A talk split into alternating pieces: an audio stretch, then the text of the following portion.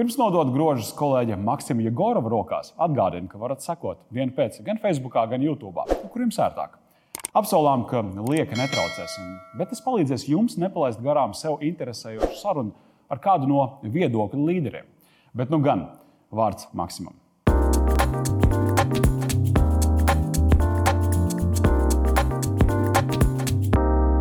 Labānu sarunu aicināju tāpēc, ka eh, viņš ir IT biznesa redzējis no dažādām pusēm.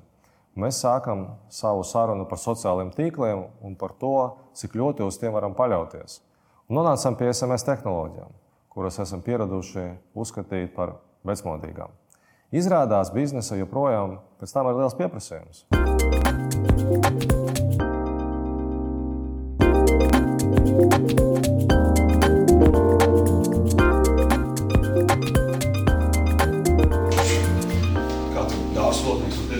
Rīgas teica, ja tu izdevi Rīgā, kas ir skatuve, un viens sagatavojies, un tev pretī mājas briedz, un jau pāns!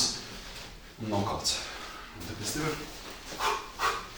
jābūt gatavam. Es vienmēr saku tā, tu esi brīvs savās kustībās, un es sasniedzu, tad laikā tas precīzs. Are you ready to put on the mic? Yes. Can I write for the come in? Sure, sure. Uztraukums pirms uzstāšanās un uzstāšanās laikā Šie ir visbiežāk iztirzātie temati un uzdotie jautājumi publiskās runas treneriem. Taču vai jūs zināt, cik uztraukušies ir paši skolotāji? Kā viņi tiek galā ar satraukumu pirms kāpšanas uz skatuves dēļiem? Um, ir tā, ka man ir kaut kāda noteikta uh, ideja, kā būtu jānotiek apspriedē ar organizatoriem pirms pasākuma. Nu, šobrīd viņi nesevišķi saprot to, ko es gribu no viņiem. Viņi viens sūta pie otra un vēl iedod kraklus pārģērbt tas netik ļoti izsver, bet tas mazina to pārliecību, kāda man ir pirms pasākuma. Bet tam ir savs pozitīvs efekts, jo arī kā Valdis Melders teica, pasākuma vadītājs, šeit, ja tev tāds pilnīgs miers un tu esi baigi pārliecināts par sevi un te jūs skatos, tas simt punktu kaut kas noies greizi. Ja tādam nelielam stresam ir jābūt. Savukārt, Juris Žagars podkāstā mums labi pateica, viņš teica, viņš pamostās no rīta, viņš neko nav uztraucies, viņš izdomā iemeslu, kāpēc uztraukties. Ja tu, tu, tad, tad tu tā kā tonizējies, tu saņemies, tu ej tajā ciņā iekšā. Tā kā viss kārtībā. Yes. So, about voting. Uh, it's not Yes. quite easy. Can you explain me in simple terms without showing this on paper? Lietušķās komunikācijas treneris Oskars Priede pirms kāda laika piekrita eksperimentam un divās atbildīgās uzstāšanās reizēs Lietuvā ļāva sev izsekot kamerai, kas bezskaislīgi sekoja līdz katram Oskara solim.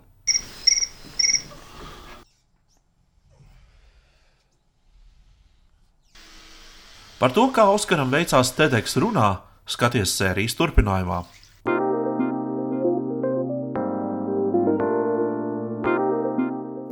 Varbūt sākam ar to uh, IT.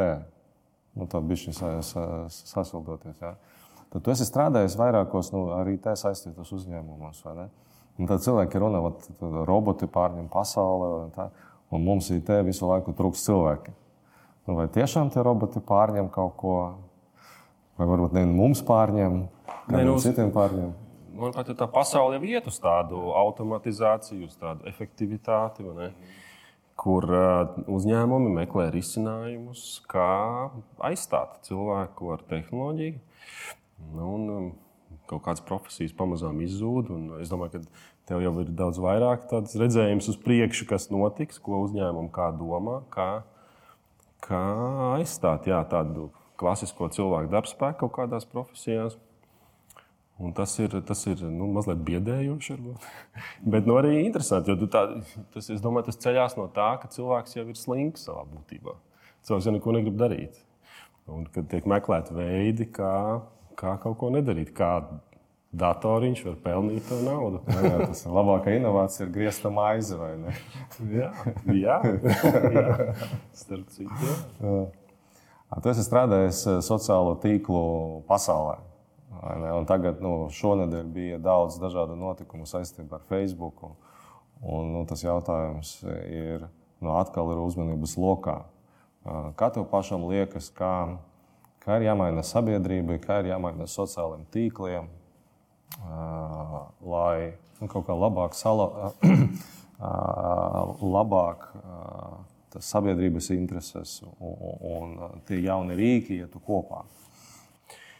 Nu, pirmkārt, es domāju, mazliet atkāpjoties no šī jautājuma, jāsaprot, šis konkrētais gadījums, ka Facebook nedarbojās sešas stundas, laikam, ir tāds, nu, tāds kārtējais, kā lai saka, tāda augstā duša vai tāda realitātes apziņa, cik daudz tomēr šāds viens sociāls milzis, cik daudz viņš ir mūsu ikdienā un cik daudz viņš nosaka mūsu dienas kārtību.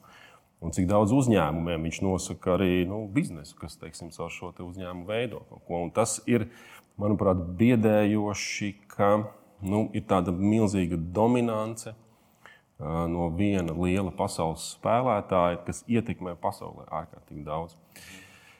Un ir jau te, ir jau tāda spekulācija par to, ka Facebook pats sevi izslēdz uz tām sešām stundām, ja, lai tur kaut kāds algoritms izdzēstu un, un kaut ko tur savu saimniecību sakārtotu. Uh, ka, kam būtu jāmainās, nu, tas ir.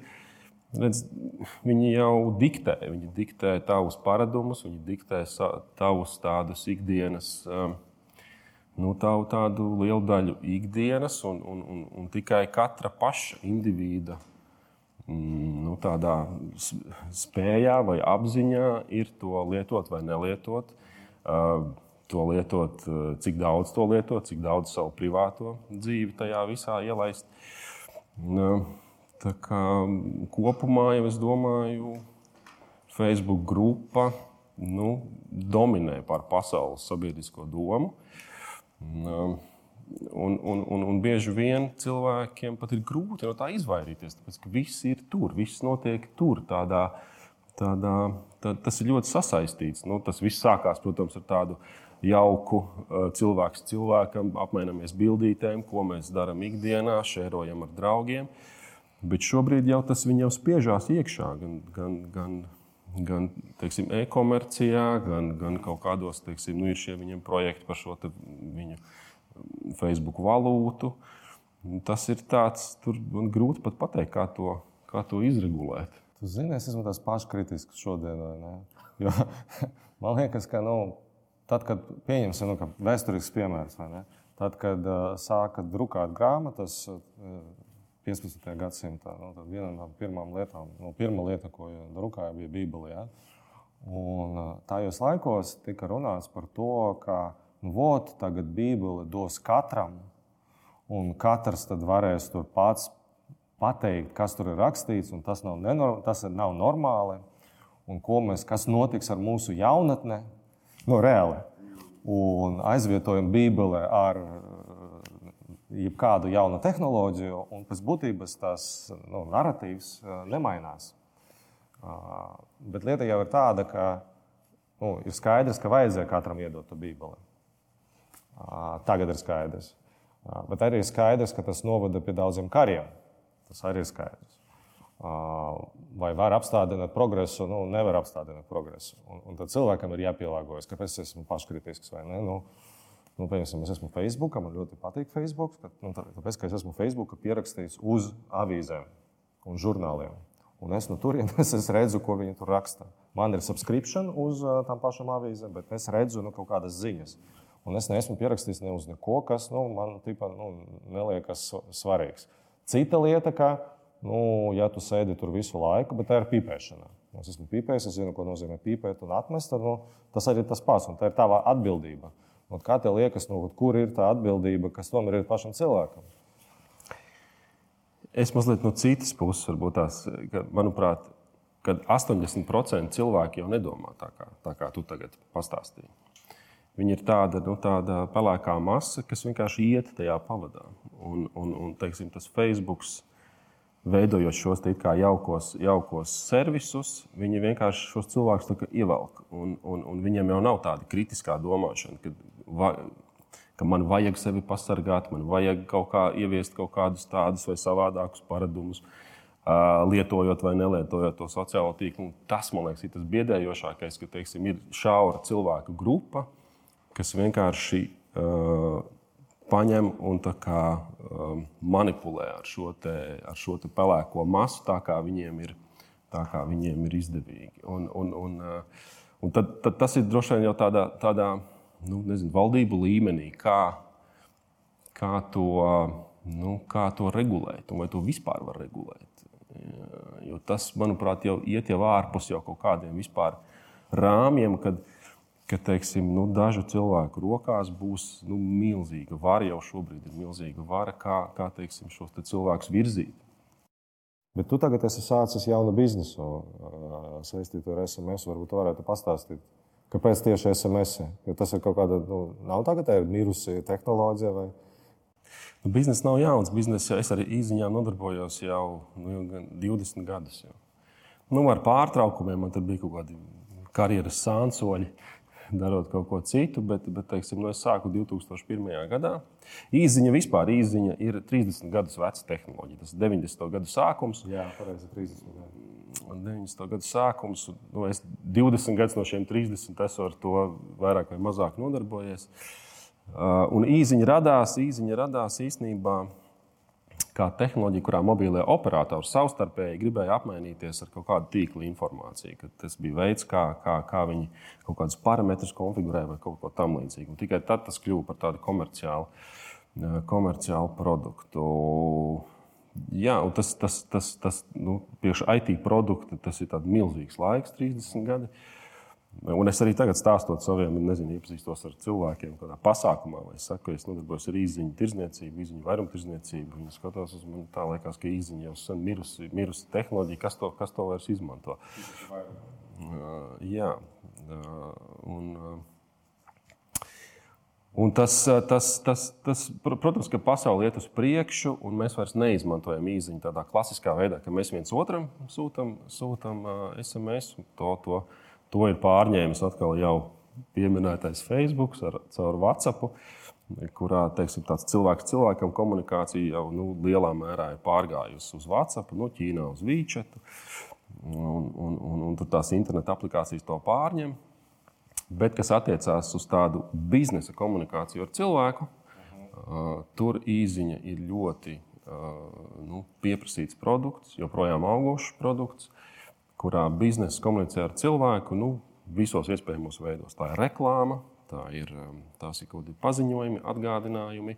Un liel, lielākā daļa un to izaugsmu veicinošā daļa ir šie autentifikācijas kodi, divu faktoru autentifikācijas, dažādi apstiprinājumi kodi. Kad vajag aplikācijai vai kādam nu, servisam, vajag uh, pārbaudīt tagad, šeit un Šobrīd, vai tas esi tu pie šī konkrētā telefona un datora, nosūtot kodu, ievadot kodu, teiksim, notiek šī te autentifikācija. Tas ir tas, kas virza un, un joprojām audzē to, to SMS apjomu visā pasaulē. Es varētu pajautāt, tev, kā tev liekas, cik ir izziņas visā pasaulē.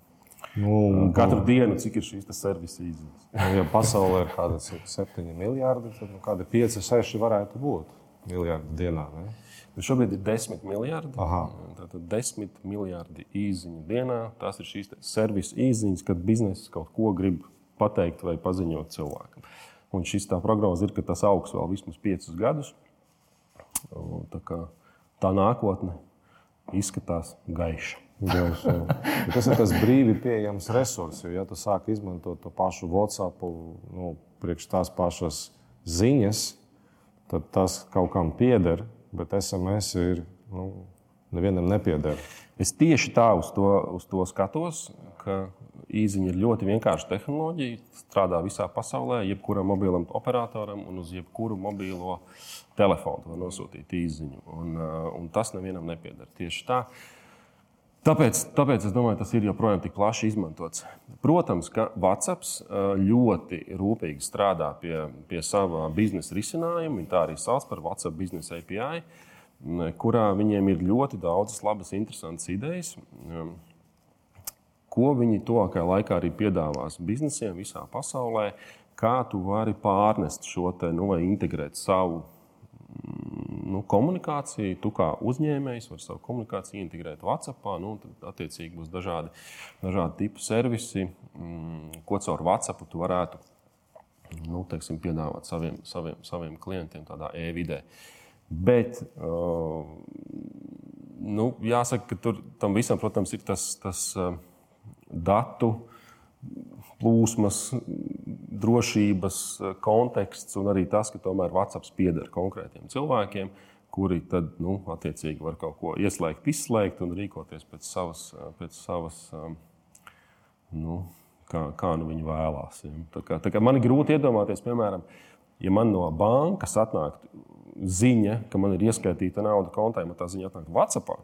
Nu, man būtu jau tā jau jautājumi, kāpēc, kur, kā, kur tie serveri, kā tas glabājās. Ja man tas atnāk īsiņā, liekas, nu, viss ir skaidrs. Tas ir visdrīzāk tāds vairāk ieraduma moments. A kā a, kā nu, tas drošības jautājumi nu, visticamāk, nu, tīpaši šajā vasarā bija ļoti daudz zvanu. Nu, kad cilvēkiem zvanīja un jautāja par viņu pārskaitījumiem un tam līdzīgi. Ja?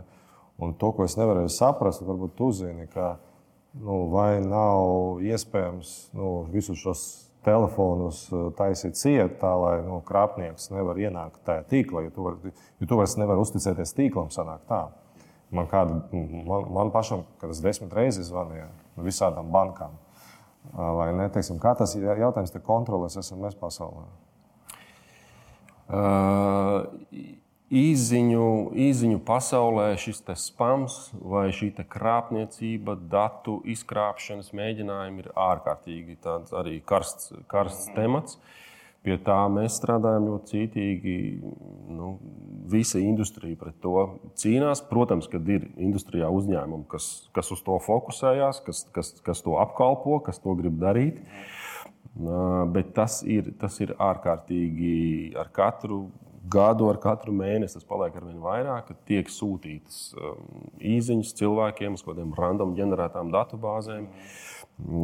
Dažādi piedāvājumi, banku datu izkrāpšana, karšu datu izkrāpšana, dažādas bitkoinu schēmas, ļoti, ļoti izplatīts tas ir. Un cilvēkiem jābūt tiešām uzmanīgiem, jo tie cilvēki ir ļoti radoši. Taisa mājaslapas, perfekti, teiksim, kas atbilst banku. Nu, šīm banku, internetu banku lapām nu, vien, vienīgais ierosinājums ir rūpīgi sekot līdzi šiem domēnu vārdiem. Ir viss kaut kas redzēts. Ir redzēts, kad uzraksta Svetbanka ar diviem parastajiem V tu skaties, nu, ir, nu, ir tā Svetbanka. Nu, protams, viņš ir bijis platāks, tie divi vēji bija platāki nekā dubultvēji. Bet, nu, nu, tev tiešām jāiedziļinās, ir, lai, lai, lai, lai, lai to pamanītu. Tā kā, tā kā rūpīgi tam jāsako līdzi, un tā ir milzīga problēma. Jā. A, ko dara industrija, lai to kaut kā mazinātu? Nu, mēs, piemēram, nu, mēs, un arī mūsu teiksim, kolēģi, kas, kas strādā ar šo antispamu, teiksim, antispamu politiku, nu, mēs vienkārši bloķējam šo trafiku. Jo, Skaidrs, ka tie cilvēki iegulda arī resursus, lai šīs lapas uzprogrammētu, uztaisītu, tur saģenerētu tos linkus, kaut ko. Nu, mēs vienkārši uh, to caur savu sistēmu nelaižam, vienkārši filtrējot, veidojot filtrus. Mums ir kādi šobrīd kā 1600 filtri. Ja šāds trafiks tiek iesūtīts mums, mēs viņu vienkārši nelaižam tālāk. Mēs viņu bloķējam. Tas ir vienīgais, kā mēs pret to varam, varam cīnīties. Bet, nu, protams, mēs, esam, mēs, mēs strādājam tādā veidā SMS tādu vairumtirgotāju vai SMS kompāniju tādā tīklā, teiksim, tā, ka mēs esam saslēgušies ar uzņēmumiem visā pasaulē, kas savstarpēji apmainās ar šo īziņu, īziņu plūsmām, īziņu trafiku. Mums jau ir skaidrs, lielam, kurš, kur, kuri ir tie spēlētāji, kas, kas teiksim, šo te trafiku apkalpo, no kuriem kur ir tajā riska zonā. Bet, nu, tas ir tikai tāds, tikai tāds cilvēcīgs. Nu, tu, teikt, ar acīm var tam skatīties līdzi un vienkārši bloķēt, brīdināt, nu, tur, vērst uzmanību tādā veidā.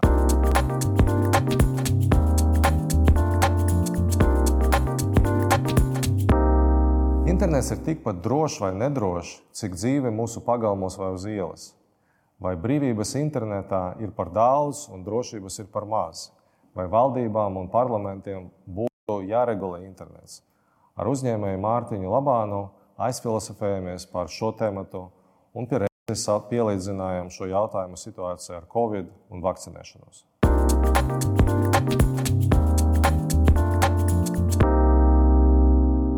Padomus mūsu skatītājiem, ka vasarā iznāca pētījums, ka nu, tāds visvienkāršākais un drošais veids, uh, lai izvēlēties paroli, ir parole, kura sastāv no diviem vārdiem vai teiksim, daļa no kaut kāda vārda. Jo, teiksim, ja tie ir divi vārdi, ir ļoti grūti uzminēt kādi, un ja viņi ir salikti kopā, tad ir vēl grūtāk. Tur var pielikt kaut kādu ciparu nozīmīgu, bet to ciparu tur liekot, pat ja tas ir dzimšanas datums un viņš stāv tur pa vidu starp tiem diviem vārdiem. tad tas jau ir ļoti grūti uh, salauzt, bet ļoti vienkārši atcerēties. Nu, tas ir tas, jā, tas atcerēšanās moments. Es personīgi lietoju, man ir četras ļoti grūtas paroles, kuras es lietoju visam. Un tad, tad es viņus arī tur savstarpēji mainu.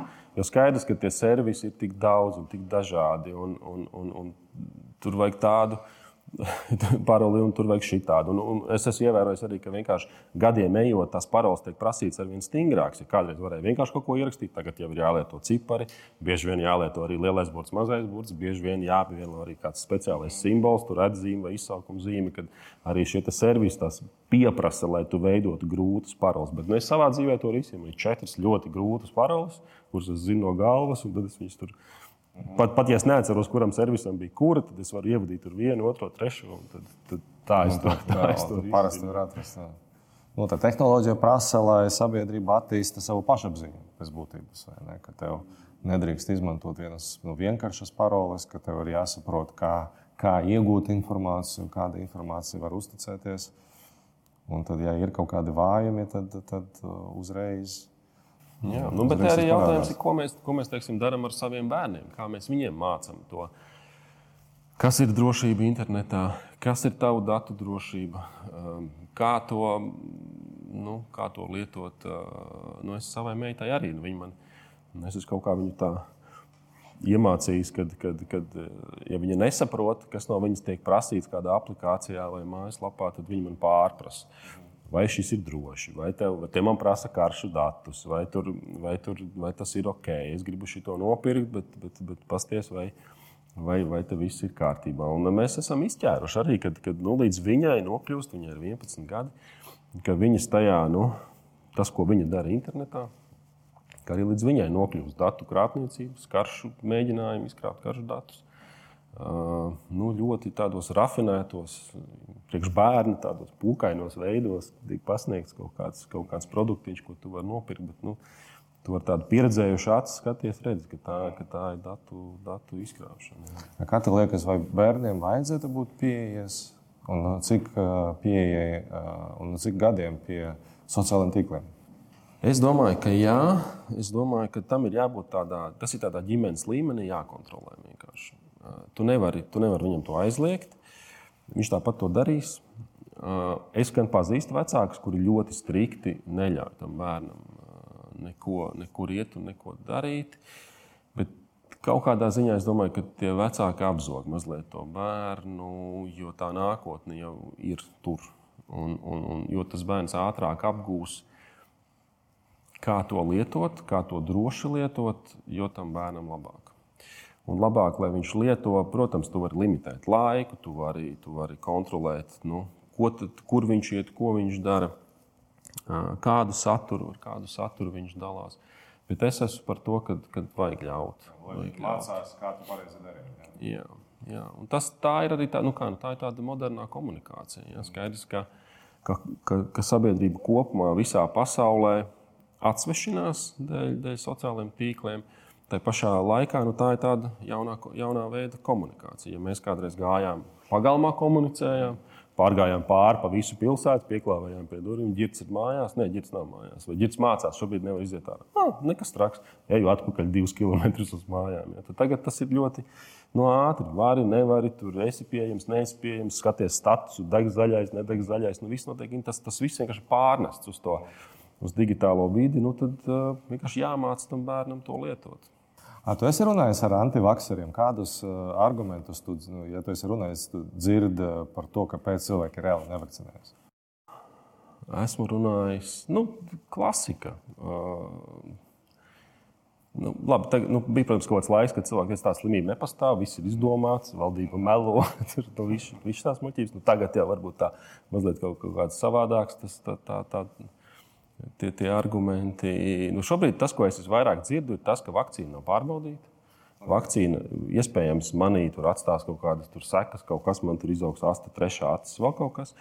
Bet man ļoti, tas, ko, tas, ko es mīnu šādā sarunā, kā pretargumentu, ir man ļoti patīk. Tas, man liekas, bija veselības centra vadītājs, ja nemaldos, vienā intervijā teica, kur arī viņam uzdeva šo, šo, te, šo te jautājumu par, par nu, vakcīnas drošību, par, kad viņi ļoti ātri izveidotu, un tur, tur, tur vajag desmit gadus, lai vakcīnu izstrādātu, un te pa gadu uztaisīja. Tā, tā. Viņš saka, kā skatieties, viņš bija paņēmis uz to brīdi statistiku. Uz to brīdi bija kaut kādi divi miljardi, divi pusi miljardi visā pasaulē kopumā novakcinēti. Viņš saka, mīļie draugi, uh, šis ir vislielākais vakcīnas tests medicīnas vēsturē.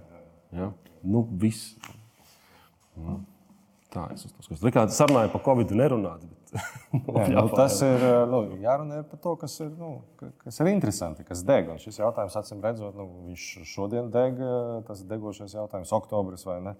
Tad, kad uh, mums skatīsies, tad nu, visdrīzāk arī nu, būs tikpat degošs jautājums. Visticamāk, visu ziemu būs, kas saka, kurināsim šo jautājumu. Ne? Bet nu, šis Covid atkal palīdz, palīdz, palīdz tādām, tādai IT industrijai. Protams, jau pats arī droši vien redzi, ka nu, ir ārkārtīgi attīstījusies līdzi Covid situācijai. Viss, teiksim, IT industrijā, e-komercijā, tas ir bijis tāds tajā visā sliktumā, ir arī kaut kāds labums. Ka tas ir tāds iespēja, iespēja ļoti daudziem uzņēmumiem, varbūt, kas kaut ko plānoja, kaut kādas izmaiņas, kaut kādu varbūt attālinātu, tur vēl kaut ko, vēl kaut ko, ka tas viss tagad ir jā, spēriens tādai pilnīgākai digitalizācijai.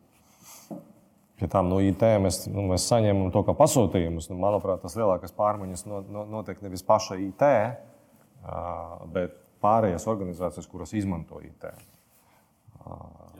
Jo mēs salīdzinoši, mēs paši salīdzinoši nu, nemanāmi pārgājām uz darbu no mājām, joprojām pārsvarā strādājam no mājām. Uh, Bet priekš mums tas nebija kaut kas tāds ļoti sarežģīts.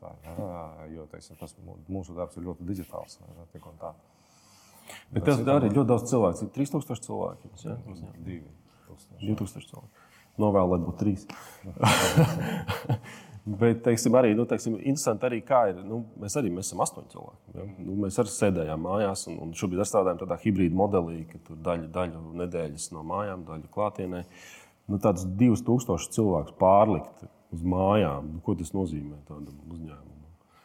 Nu, um, tas, uh, nu, tas, nu, tur ir ļoti liels organizatorisks darbs, kas ir jāveic no vienas puses, bet no otras puses mēs bijām tam gatavi. Jo mēs pārsvarā varējām visu organizēt, uz, nu, jau sen varējām organizēt ļoti attālinātā veidā. Pieņemsim, mums vairs nebija ieradumu, ka sanāksmes notiek tikai klātienē. Nu, jau pirms Covid. Jā. Pirms Covid jau nu, ļoti sen nebija. Ja? Visas sistēmas bija digitalizētas jau sen. Mums vajadzēja iegādāties pāris lietas, ko mēs izdarījām tur divu, trīs mēnešu laikā, lai nu, visi pilnībā varētu būt. Līdz ar to tas mūsu galvenais fokus bija uz to, lai strādājot tajos apstākļos, kas ir sarežģīti apstākļi, jo ir bērni, ir ģimene, un tur, uh, vieta ir, vietas nav, lai tajos apstākļos maksimāli cilvēkiem palīdzēt uh, uh, labi iekārtoties, pielāgoties un uh, izdarīt tādu, izveidot tādu vidi, kura būtu tam atbalstoša. Un tur bija gan nu, tādas lielas, gan mazas lietas. Nu, mēs uzreiz vienojamies, ka, ja bērns nāk zvanā iekšā, nu, pie tevis pienāk bērns, ka mēs uzreiz vienojamies, ka mēs nekādā gadījumā nestumjam bērnu. Nu, ne, neatkarīgi no, no tā, ko tu runā, tas ir tavs boss. Nu, vienalga, respektīvi, ja tev bērns pienāk, tas nozīmē, ka bērns ir svarīgs, ka kaut kas tur notika, pat ja tas būs beigās kaut kāds stulbums. Kurš tāds apgabals? Teiksim, tu paņem klēpī vai teiksim, pasaka, paldies, es tagad nevarēšu vajadzēs. Tad, vai, pat, pat tādas lietas mēs izdarījām. Ja? Uh, bet, protams, un tad ļoti lielu uzmanību mēs veltām tiem cilvēkiem, kuriem uh, tas bija izaicinoši, un tur, tur meklējam risinājumus. Bet pagaidām mēs nu, turpinām strādāt no, no, no mājām. Mums ir ļoti nu, 50, 30, 50 cilvēki tikai oficiālā tagad katru dienu atrodas. Un, kā tu nonāci uz šo biznesu? Kāds bija tas ceļš uz, uz tieši SMS biznesu? Pilnīgi ne, nejauši. Es 20 gadu vecumā sāku strādāt Latvijas televīzijā par, kā producents, kā raidījuma producents. Man bija jāmeklē nauda paš, pašam, pašam priekš savu raidījumu. Un man piezvanīja mans tagadējais biznesa partneris Mārtiņš Grandāns, kurš toreiz strādāja Norvēģu SMS kompānijā. Un vienkārši piedāvāja sadarbību. Toreiz, toreiz tā bija tā, tā toreiz SMS biznesa, bija tas saucamais mobile content vai mobilā satura biznesa, kurās bija bildes, melodijas, melodijas polifoniskās Telefonu. melodijas, jā, tur Britnijas spīrs, attēli un tās pirmās spēlītes. Ka, principā, mēs sākām televīzijā integrēt uh, savā raidījumā šo mobilā satura mm -hmm. tirsniecību. Vienkārši jauniešu raidījumā tirgojām no, caur reklāmu, tirgojām šos te, Tur bija vēl visādi mīlas horoskopi un atsteku horoskopi. Tie bija tie laiki. Ja, tur, kad tu maksāji 35 centīmus par to, ka tev atsūta sadarības starp Kārli un Ievu, tur ir 53%. Nu, kas viss bija, protams, tāds datora izdomāts. Tur nebija nekāda ne zinātne, ne, nekas. Tas bija vienkārši tādi, nu, tādi smieklīgi servisi. Un, un tas bija tas sākums, jā, mobilais saturs, ar ko es strādāju līdz pat 2008. un 2009. gadam, līdz pirmajam iPhone. Iznāca iPhone, iPhone nokiloja visu mobilo saturu. Jā, nevienam neko vairs nevajadzēja. Varēja personalizēt savu telefonu. Vienalga, kā. Tad, tas bija mobilās satura ēras beigas. Nu, tad tas viss pārgāja uz to messaging. Tad, tad mūsdienu izpratnē, kur, kur īziņa ir, kā, īziņa ir bez maksas, bet kā komunikācija. Nu, tas ir tas interfejs API starp biznesiem, sanāk, tā, vai starp biznesu un cilvēku. Nu, tad novēlu veiksmi biznesā un tiekamies vēlreiz. Paldies!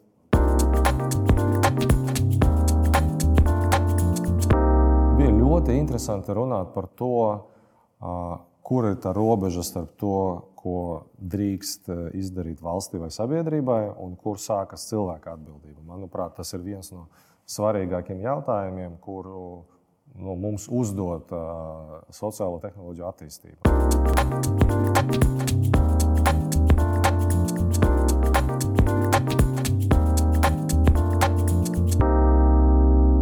YouTube kanālā atradīs dokumentālo filmu Runātājs, kurā kamera bezskaislīgi seko līdzi mūsu diena pēc autoram Oskaram Priedem, viņa divās svarīgās uzstāšanās reizēs Lietuvā. Viena no tām ir katra profesionāla karjerā nozīmīgā TEDx prezentācija. And, done with that thing. You find your exit to something you're really good at. You know, like spend your whole time doing these meticulous things. I thank God I'm done with that thing. But um, I come here to Lithuania, and I'm in Kaunas, and I'm dressed in this very conservative outfit, walking down the Lysis. Mm-hmm, mm-hmm, mm-hmm, mm-hmm. Nu, parasti pirms uzrunām uztraukums ir lielāks nekā pašas uzrunas laikā. Varbūt tas ir līdzīgs ar uzrunas kaut kādām pirmajām minūtēm. Pēc tam jau aiziet. Bija šī jābrīvo ķermenis saspringts. Es parasti aizveru acis, tam šķiet, ka neviens man neredz.